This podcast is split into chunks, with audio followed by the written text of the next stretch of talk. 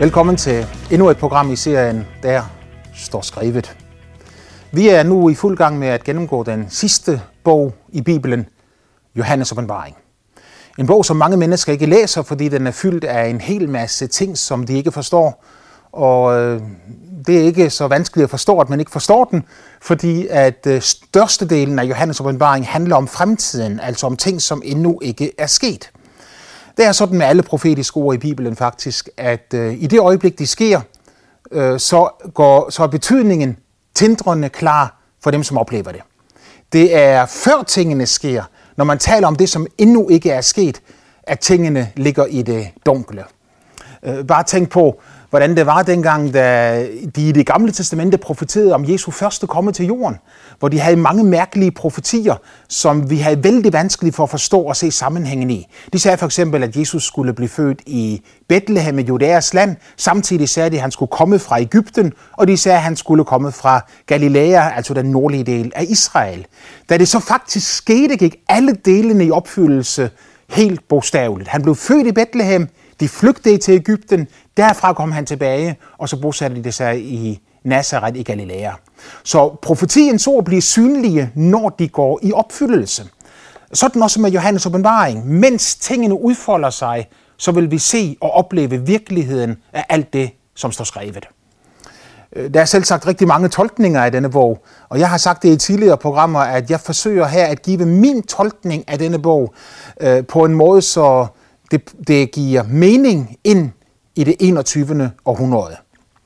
Øh, åbenbaringsbogen begynder med, at øh, Johannes han fortæller, at han har fået befaling af Jesus selv til at skrive bogen. Nøgleordet i hele bogen er kapitel 1 og vers 19, hvor øh, Jesus han siger til Johannes, så skriv dig ned, hvad du har set, både det som er og det som siden skal ske. Så han får en tydelig og klar befaling om, at han skal skrive det ned, han har set. Et andet sted i Bibelen står der, at aldrig nogensinde er en profeti fremgået af et menneskes vilje, men drevet af Helligånden udtalte mennesker det, de fik fra Gud. Og det betyder jo selvfølgelig, at øh, det er ikke noget, de selv har fundet på, men det er Gud selv, som har inspireret dem til at skrive. Øh, Johannes åbenbaring kunne med rette kaldes for Jesu Kristi åbenbaring. Fordi Johannes han skriver bare det ned, som Jesus har vist ham. Og det Jesus viser ham, er det, som faderen har vist sønnen, vil komme til at ske også i den sidste tid, i afslutningstiden. Han fik at vide, at han skulle skrive tre ting ned. Det han havde set, det som var nu, og det som siden skulle ske. Her har du så en enkel inddeling af Johannes åbenbaring. Det første kapitel omhandler det, han havde set. En åbenbaring af den herliggjorte Jesus, hvor han så Jesus i al sin skønhed og pragt og glans, øh, stå der, mens han åbenbarede sig for ham, og det var så overvældende et syn, for Johannes, at Bibelen sagde, at han faldt ned som død foran ham. I øh, kapitel øh, 2 og 3, som vi er i gang med at gennemgå nu, øh, der har vi så en åbenbaring af det, som er. Skriv ned det, du har set, og det, som er. Det, som er, øh, tror jeg, øh, betyder menighedens tidsalder. Altså tidsperioden fra Jesus opstod fra de døde, fra han levede på jorden, døde og opstod igen, og så helt frem til den sidste tid, hvor han skal komme tilbage igen. Denne periode kalder vi for menighedens tidsalder. Og i de syv sendebreve til menighederne i Lilleasien, det som i dag hedder Tyrkiet, i disse syv sendebreve, der beskrives syv tidsperioder i menighedens historie, helt fra opstandelsen til Jesu genkomst. I resten af bogen har du så det tredje element, nemlig det, som siden skal ske. Det starter i kapitel 4, og det kommer vi tilbage til senere.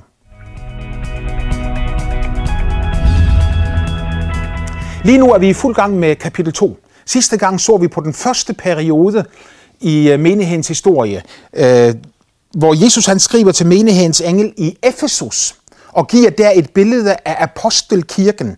Den første kirke, som var en hårdt arbejdende kirke, som evangeliserede hele den da kendte verden og havde en stor nød og bragte evangeliet ud til øh, den verden, som de levede i på det tidspunkt. Jesus han siger til menigheden i Efesus, jeg har det imod dig, at du har svigtet din første kærlighed. Og vi talte sidste gang om, hvordan det lynhurtigt kan blive på den måde, at man mister det, som er væsentligt man mister fokus på det væsentlige og begynder at blive optaget med andre ting i stedet for.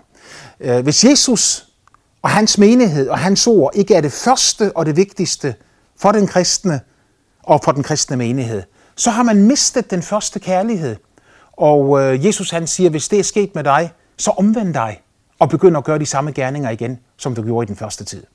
Så han forkaster ikke menigheden eller den kristne, fordi det er kommet øh, frafald ind, fordi det er, det er gået ned ad bakke, men han har et klart kald til omvendelse og fornyelse, at de skal elske ham igen af hele deres hjerte.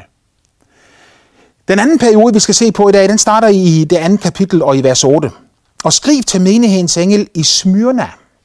Det, det siger den første og den sidste, ham som var død, men som blev levende. Sådan præsenterer Jesus sig selv. Og det er egentlig meget passende, fordi sendebrevet til menigheden i Smyrna dækker en tidsperiode i kirkehistorien, som går fra apostlenes tid, altså fra cirka år 100 efter Kristus, og så frem til lige efter 300-tallet, 310-12 deromkring. Øh, denne tidsperiode er den tidsperiode i kirkens historie, hvor kirken har været mest udsat for forfølgelse. Faktisk var det så voldsomt i denne tidsperiode, at øh, mange har sagt det på denne måde her, at kirken er vokset frem fra martyrernes blod. At når mennesker blev dræbt, fordi de troede på Jesus, så det blod, som de udgød, udgød blev på en måde en udsad. Så hver gang en døde, så tog ti imod Jesus som deres personlige frelser. Øh, sendebrev til menigheden i Smyrna dækker den periode, hvor der var disse voldsomme kristen forfølgelser i Romeriet. Det skete den ene gang efter den anden. Mere eller mindre kontinuerligt i løbet af øh, 200 år. Øh, vi har afdækket specielt 10 tidsperioder i løbet af disse 200 år, hvor kristenforfølgelserne var værre end i resten af tiden. Og det er muligvis det, som øh, Jesus han henviser til, når han her i dette sendebrev siger til menigheden, at du skal have trængsel i 10 dage. Der var 10 perioder, som var værre end resten. I hele perioden var det forbundet med livsfare at øh, bekende sig til Jesus Kristus som Herre. Så ubehageligt det måtte være, at alle disse forfølgelser foregik, øh, så var det dog noget positivt ved det også. Og måske det mest positive var, at det ganske enkelt, ganske enkelt ikke var nogen, som var kristen for egen vindings skyld. At være kristen var forbundet med livsfare, og derfor ville man kun være kristen, hvis det var fordi man havde en eller anden oplevelse, som gjorde, at man ganske enkelt ikke kunne frasige sig det at være en kristen. Øh, det betyder selvfølgelig også, at for de første kristne var det at være kristne ikke bare forbundet med kultur. Jeg er opvokset i et kristen land, og derfor er jeg kristen. For dem var det så dramatiske, personlige, stærke oplevelser, at det prægede hele deres liv og gennemtrængte hele deres tilværelse. De var villige til at dø for Jesus, hellere end at fornægte hans navn. Øh, de elskede ham simpelthen så enormt højt. En af historierne, vi har fra den tid, øh, handler om en mand, som hed Polycarp. En mand, som boede i byen Efesus. Øh, han var øh, en af Johannes, apostlen Johannes' disciple, og i en af disse kristenforfølgelser, som kom, da han var blevet en gammel mand, så øh, havde de samlet øh, brænde sammen til et stort bål på torvet i byen.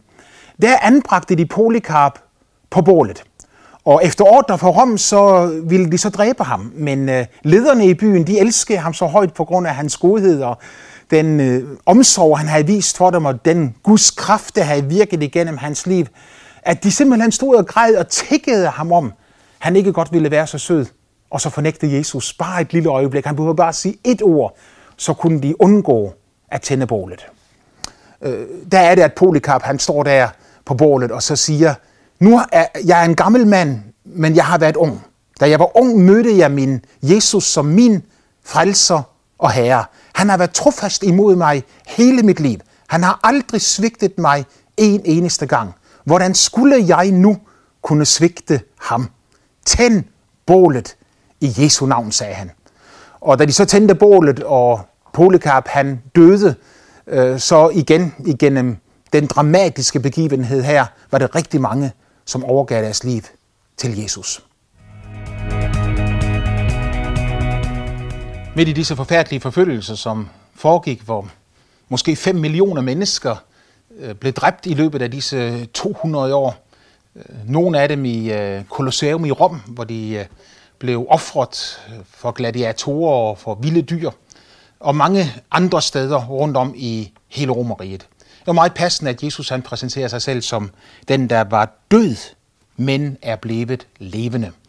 Når man først har været død, og så er blevet levende igen, er man ikke længere bange for døden. Døden har ganske enkelt ikke nogen magt over dig længere. Så de første kristne, de holdt ud. Øh, jeg vil lige vil sige, som om de så den usynlige, og det var næsten også, hvad de gjorde. For de vidste jo, at Jesus han levede, og de holdt ud i deres trængsler og modstand. Og mens man prøvede på at ødelægge evangeliet og ødelægge den første kristne menighed, så voksede menigheden frem i martyrernes blod. Øh, de største problemer, eller hvad skal vi sige, angreb, som ramte den første menighed, kom jo sandsynligvis heller ikke udefra, men derimod indefra. Jesus han siger jo her i vers 9, øh, han taler om spotten fra dem, som kalder sig selv jøder, og de er det ikke, men de er satans synagoge. Og når han siger satans synagoge, så taler han der om modstandernes forsamling. Og han siger, at dem har du, dem har du prøvet, og du har erkendt, at de er ikke fra mig. Øh, med det samme evangeliet brød igennem, øh, så kom også et øh, modevangelium frem. Øh, djævelen, mennesker inspireret af djævelen, har altid gjort alt, hvad de kunne for at forsøge på at forhindre evangeliets rene budskab i at komme igennem ud til mennesker ud over hele jordkloden. På samme måde som Satan kom ind i Edens have og sagde til mennesket, har Gud virkelig sagt? Og så stillede han spørgsmålstegn ved de ord, som Gud havde talt til mennesket, da han erklærede dem sin kærlighed og fortalte dem, hvad de fik lov at gøre og hvad de ikke fik lov at gøre. Og Satan satte spørgsmålstegn ved det. Forsøgte på at ødelægge Guds ord, ødelægge de ord, som skulle bringe mennesket ind i fuld fællesskab og dyb kærlighed til Gud. Sådan har han fortsat med at gøre det, øh, ved at inspirere mennesker til at komme med modsatte, ødelæggende øh, budskaber og befalinger, som er kontra det, som Gud siger. Øh, mange har måske hørt om disse forskellige øh, gnostiske evangelier, som har, er kommet frem. Jeg så for nylig en udsendelse i National Geographic, som omhandlede Judas evangelium, og det blev behandlet, som om det var en, en eller anden fantastisk opdagelse, at nu har vi fundet ud af, at der er et andet evangelium, som er mere ægte end det, som er i Bibelen. Øh, så fantastisk en opdagelse er det altså heller ikke, fordi allerede da Johannes han skrev i sin åbenbaring, øh, før år 100 efter Kristi fødsel, allerede på det tidspunkt, så siger øh, Jesus jo til dem, at øh, spotten fra dem, som kalder sig selv jøder, og de er det ikke, men de er satans synagoge. Allerede her taler han om de, som er imod og prøver på at ødelægge evangeliet. Øh, evangeliets budskab er jo simpelthen så fantastisk. Det er så fantastisk, fordi det er et øh, budskab, gode nyheder, som åbner døren og vejen for hvert enkelt menneske tilbage til Gud igen. Jeg kender din trængsel og din fattigdom, dog du er rig, siger Jesus. Jeg kender din trængsel og din fattigdom. Øh, jeg ved ikke, hvor mange gange jeg har mødt mennesker, som siger, at ja, kristne, de tror, at de er bedre end os andre. Øh, hvis du nogensinde har mødt en kristen af den slags, så øh, vil jeg gerne næsten undskylde på den kristnes vegne. Sandheden er nøjagtig den modsatte. Kristne ved, at de ikke er bedre end andre. Kristne kender deres egen fattigdom. Kristne kender deres egen tilkortkommenhed. Jeg glemmer aldrig nogensinde den unge mand, som kom ind på mit kontor en gang, og så han så meget så modig ud, og han sagde til mig, Bruno, øh, jeg har et problem. Nå, sagde jeg så, hvad kan det være? Jo, sagde han til mig, jeg er ikke god nok. Han forventede selvfølgelig, at jeg skulle klappe ham på skulderen og så sige, åh jo, du er simpelthen fantastisk, og, og så videre i den retning. Men jeg tænkte, så sådan vil jeg ikke gøre det. Så jeg rejste mig op, og så siger jeg til ham, jeg er fuldstændig enig med dig, du er ikke god nok. Jeg så rejslen malet i hans ansigt. og han siger til mig, øh, mener du virkelig det? Ja, siger jeg så. Det mener jeg så lægger han ekstra tryk på over for mig ved at sige til mig, jeg beder heller ikke nok, og jeg siger til ham igen, jeg er fuldstændig enig. Og hvis du i øvrigt bad nok, og var god nok, og dygtig nok, og hvis du var alt det der perfekt og fuldkommende, så var du også en af dem, som ikke havde brug for Jesus. Rige er altid blevet sendt tomhændet bort. De fattige, det er altid dem, Gud har ragt ud imod. Det er måske derfor, Jesus han begynder sin uh, bjergprædiken med at sige, særlige er de fattige i ånden, for Guds rige er deres. Øh, de, som er fattige i ånden, det er de, som erkender, at jeg er ikke god nok i mig selv. Jeg har ikke i mig selv det, der skal til. Det er evangeliet. Det har altid været evangeliet. Det vil altid være evangeliet. Evangeliet er ganske enkelt Guds budskab til mennesker alle vegne, at det gratis kan blive frelst. Frelsen, himlen, er gratis for et hvert menneske. Den er ikke billig, for Gud betalte en kæmpe stor pris for den, i det han sendte sin egen søn, og Jesus offrede sit eget liv, for at du og jeg, vi kunne blive frelst. Da han døde på Golgata Kors, døde han ikke for sig selv, men han døde for dine og mine sønder. Han tog al vores synd på sig, så vi ved enkelt tro på ham kunne få del i hans retfærdighed ind i vores liv. Jeg har sagt det mange gange før, og jeg vil meget gerne sige det mange gange endnu, at et af de mest fantastiske vers i Bibelen finder du i 2. Korintherbrev, det 5. kapitel, hvor Bibelen siger, at den, som ikke kendte til synd, og her taler Bibelen om Jesus, den, som ikke kendte til synd, har han gjort til synd for os, for at vi kunne blive Guds retfærdighed i ham. Så evangeliet, evangeliets budskab er dette, at han, som var retfærdig, han tog vores synd på sig, så vi som er syndere kunne få lov til at modtage hans retfærdighed. Og så siger Bibelen, at det er retfærdigt for Gud, fordi han gav sin egen søn og offrede ham, så du og jeg vil kunne få evigt liv ved enkelt tro på ham. Det er nok derfor, at Jesus han siger, at jeg kender din trængsel og din fattigdom, dog du er rig, siger han så. Og så siger han, du har ikke accepteret øh, disse forførende budskaber, som kommer fra forskellige såkaldte evangelier, som handler om, at mennesket igennem en gnostisk erkendelse, en, en højere viden, skulle kunne finde Gud ved filosofiske tænkninger, filosofiske tankebygninger, øh, og på den måde komme hen og finde Gud, eller være god nok til at finde ham. Den måde kan Gud ikke findes på. Øh, det er også derfor, at Paulus han siger i Galaterbrevet, forbandet være den, som forkynder en anden Kristus, et andet evangelium, end det, jeg har forkyndt jer. Frelsen var ikke billig for Gud, men den er gratis for os. En hver, som vil, kan modtage ham i sit liv.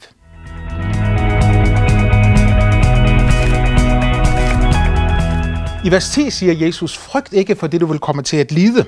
Se, djævelen vil kaste nogle af jer i fængsel, for at I skal stilles på prøve og have trængsel i ti dage.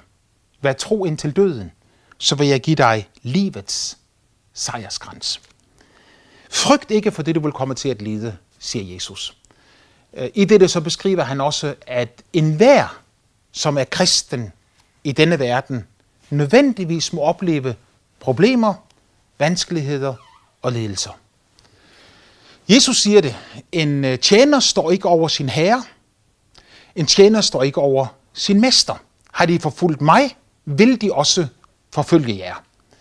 Øh, jeg vil næsten blive bange, hvis øh, et menneske bekendte sig som kristen, levede som kristen, efterfulgte Jesu liv, og så ikke ville blive forfulgt i denne verden. De ville ikke acceptere Jesus på trods af hans godhed, hans renhed, den kraft, som han åbenbarede, da han helbredte de syge og gjorde mange vidunderlige ting, som mennesker sagde, han har gjort alle ting vel. På trods af alt dette, så oplevede Jesus til sidst at lide døden på korset, hvor mennesket forfulgte ham på trods af hans gode gerninger. Det betyder også, at når, van, når vanskeligheder, trængsler og problemer møder den kristne i sit liv, øh, så er det ikke så enkelt, at man kan sige det, fordi han har gjort et eller andet forkert. Den ældste bog i Bibelen, Jobs bog, omhandler jo netop hele denne problemstilling her, hvorfor den retfærdige skal lide. Og, og Job var en mand, som var vældig retfærdig inden for Gud, men øh, han oplevede mange prøvelser og vanskeligheder i sit liv. Hans øh, venner kom til ham og prøvede på at fortælle ham, at årsagen til, at han oplevede alle disse vanskeligheder, var fordi, at, at øh, Gud var vred på ham, eller at han havde gjort et eller andet forkert, og det var på grund af hans forkerte gerninger, at han oplevede problemer og vanskeligheder. Det er vældig enkelt at afvise det her som en absolut løgn, næsten som en absurditet. Fordi Jesus har aldrig nogensinde gjort noget forkert. Gud havde én søn, som var uden synd. Han har aldrig haft nogen børn, som var uden lidelser. Ikke engang ham, som var uden synd. Vi oplever lidelser og problemer i denne verden, øh, fordi denne verden er ond, og fordi denne verden er i den ondes vold. Djævelen vil gøre alt, hvad han kan for at stanse den kristne, og for at hindre det kristne budskab i at nå ud over jorden, og for at forhindre mennesker i ultimativt at komme til Gud. Det skal dog ikke lykkes for ham, fordi øh, evangeliet er stærkere, end han er. Jesus er stærkere, end han er. Og enhver, som er født af Gud, siger Bibelen, han skal sejre over den onde. Øh, djævelen vil kaste nogen af jer i fængsel, og så skal I stilles på prøve, og I skal have trængsel i 10 dage. Vi snakker om disse 10 perioder i kirkehistorien, der passer det ind. Men det passer også ind i den enkeltes liv. Øh, faktisk er det ganske interessant, at på det græske sprog, så findes der ikke øh, to forskellige ord for prøvelser og øh, fristelser, men der findes kun ét ord for det. Så hver gang øh, det græske ord, som betyder prøvelse eller fristelse, bliver skrevet, så skal vi altid vælge, når vi oversætter Bibelen fra græsk til dansk, hvorvidt vi vil, tage, vi vil, vi vil sige, at ordet betyder prøvelse eller fristelse. Derfor siger, øh, øh står der i nogle bibeloversættelser, at Paulus han siger, at Gud vil ikke tillade, at den kristne bliver fristet over evne. Andre steder står det, at Gud vil ikke tillade, at han bliver prøvet over evne. Øh, sandheden er denne her, at det som Gud prøver os med, det frister djævlen os med. Øh, Gud frister ingen. Han kan ikke selv friste sig noget ondt, og selv frister han ingen, siger Bibelen. Men han tillader, at vi bliver prøvet, fordi at han vil se, eller han vil, at vi selv skal se, hvad der bor i vores hjerter. Der står i 5. Mosebog, at Herren din Gud sætter dig på prøve, for at du kan se, hvad der bor i dit hjerte, om du vil elske ham af hele dit hjerte, eller om du vil leve for dig selv. Øh, symptomatisk, allerede i Edens have, var der et træ, som Gud sagde til mennesket, det må I ikke spise af. Fra Guds side var det en prøve. Han satte mennesket på prøve. Menneskets kærlighed satte Gud på prøve ved et valg.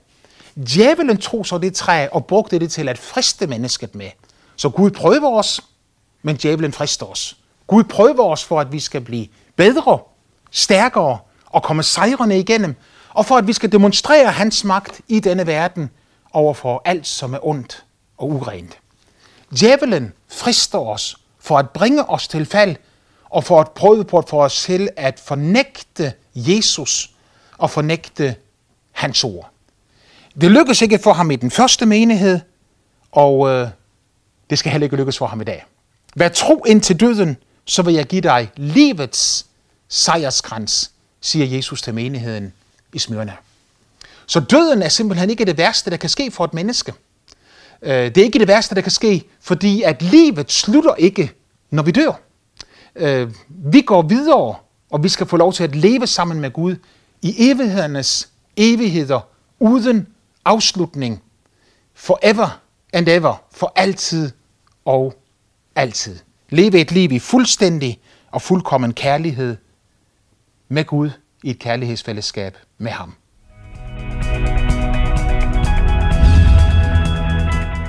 Og det sidste vers, den som har ører, han hører, hvad ånden siger til menigheden. Den, der sejrer, skal ingenlunde skades af den anden død. Den anden død, eller den evige fortabelse. Så Jesus han siger igen, at det ikke er den fysiske død, som er den værste, men den evige fortabelse. Og den, der sejrer, det vil sige den, der ikke fornægter ham, den, som ikke giver op, men den, som fortsætter med at tro på ham og på hans frelse, og ikke give efter for alle de fristelser og prøvelser og trængsler, som møder et menneske i dets liv.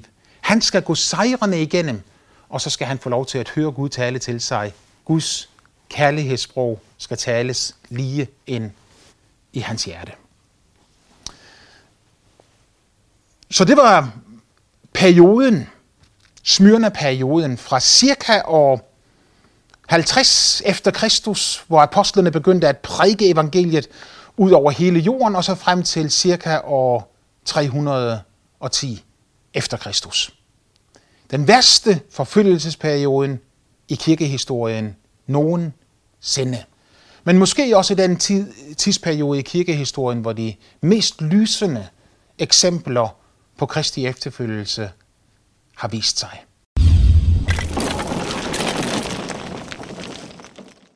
Til næsten alle menigheder her, så har Jesus nogle gode ting at sige, og så har han nogle advarende ord at sige til dem.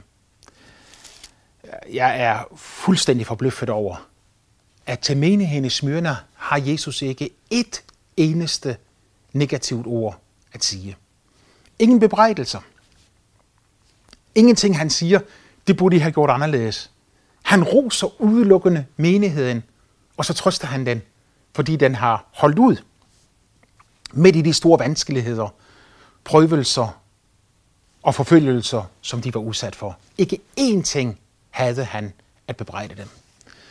Jeg synes, at enhver kristen og enhver menighed også faktisk burde stræbe efter at leve sit liv på netop sådan en måde, at hvis Jesus han kom lige nu og skulle tale til os, at så ville han ikke have nogen ting at bebrejde os. Umuligt, siger du. Hvorfor? Når det var muligt for menigheden i Smyrna. Den, som sejrer, siger Jesus. Og den sejr, den kan enhver få lov at leve i, for så stor er Guds nåde.